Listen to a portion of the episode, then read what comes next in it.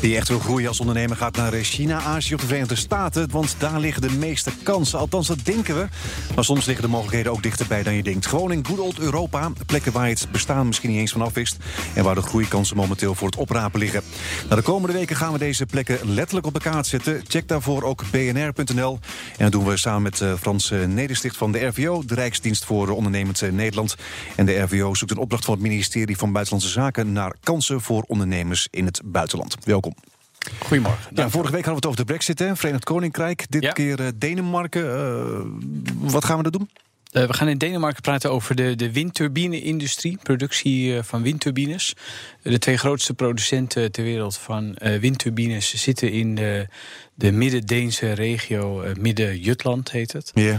En het zijn Vestas en Siemens Gamesa. En wat voor gebied is dat, het Midden-Jutland?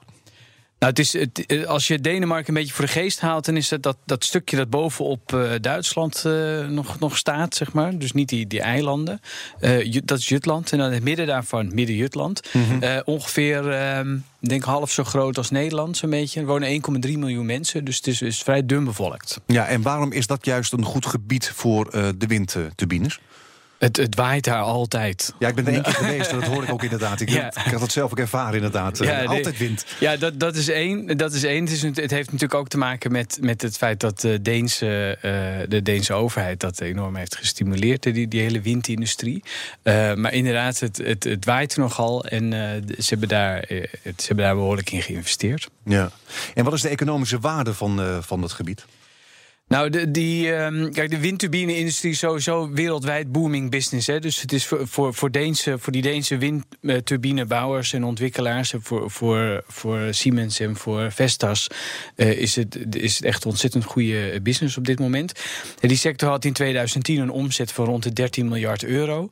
En um, in Denemarken, waarvan dus 61% uit Midden-Jutland komt. Yeah. Uh, en um, die windmolenindustrie exporteerde voor rond de 7 miljard euro naar het buitenland. Dus dat is uh, behoorlijk eigenlijk. Ja, ja. ja zijn ze verder dan wij eigenlijk daar?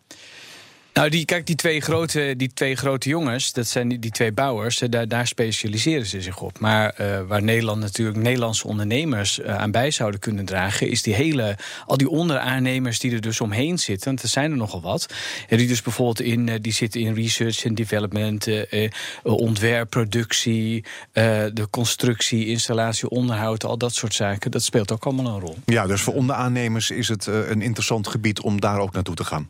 Ja, als je bijvoorbeeld aan, uh, aan uh, een uh, bedrijf als AXO denkt, die verf. en je moet die turbines, die moeten natuurlijk in de lak gezet worden. als ze op zee staan, ja, dat vraagt natuurlijk wel wat van, die, van de, de, de, de lak op zo'n, op zo'n, de verf op zo'n turbine. Ja. Um, en dus daar moet je wel, daar moet je ook iets mee. Nou, dat is typisch iets waar een Nederlands bedrijf een bepaalde rol in kan spelen. Ja, wat voor Nederlandse bedrijven zijn er al actief dan? Nou, er zijn, er zijn heel veel Nederlandse bedrijven uh, gezamenlijk actief in de windenergiesector bij de, de topsector uh, uh, kennis en innovatie voor wind. Ja, überhaupt in, ja, in Nederland. Ja, in Nederland. Ja. in, um, in Denemarken zitten nog niet zo heel erg veel Nederlandse ondernemers die echt daar al um, gevestigd zijn. Waarom niet? Um, nou, waarschijnlijk omdat het, het, het is heel dichtbij. En een ander punt is, en dat is, dat is eigenlijk ook wel interessant voor vandaag. Want meestal praat ik natuurlijk over dat je als Nederlandse ondernemer naar het buitenland gaat. Ja. Maar eigenlijk is het voor Nederlandse ondernemers interessant, omdat die, die Deense windturbinebouwers juist ook naar Nederland komen. Omdat wij hier met die, die windparken op zee um, een, een interessante klant zijn voor die, voor die twee uh, turbinebouwers. Dus zij komen naar ons in plaats van dus dat wij komen, naar hun Ja, gaan. inderdaad. Hè, en, en Vestas bijvoorbeeld investeert in een assemblagehal in, uh, in Vlissingen. Voor de windparken die, uh, die België en Nederland uh, op zee willen gaan bouwen. Hmm. Of laten bouwen.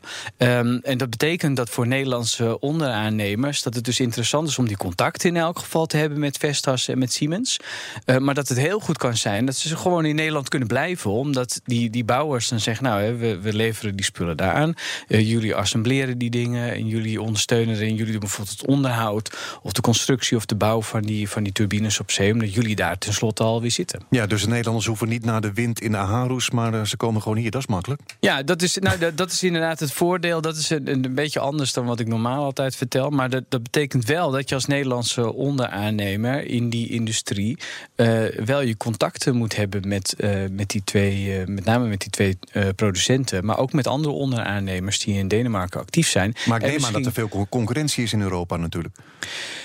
Ja, dat zeker. Maar we hebben natuurlijk als Nederland, zeker als het over offshore wind gaat, hebben we natuurlijk een, een behoorlijke voorsprong. Ook omdat we die, die windparken afgelopen week is nog weer een, een tender uitgekeerd aan, aan de Hollandse kust uh, Zuid 1 en 2. Yeah. Dus er komen nog weer turbines bij.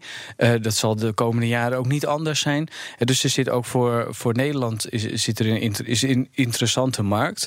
Niet alleen voor, die, voor Siemens en Vestas, maar dus ook voor die, voor die ook Nederlandse onderaannemers die daar actief in zijn. Ja, en qua cultuur verschilt het niet zoveel, hè, wij in de Denen.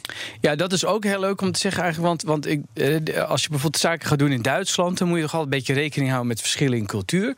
Uh, maar de Deense zakencultuur is echt heel erg vergelijkbaar met de Nederlandse cultuur. Een beetje ontspannen, een beetje, um, um, ja, een beetje informeel ook. Dus, dus uh, ondanks het feit dat Nederlanders niet zo gauw Deens, Deens taal spreken... Ja. al die Denen spreken allemaal Engels, dus het gaat allemaal prima. Ja.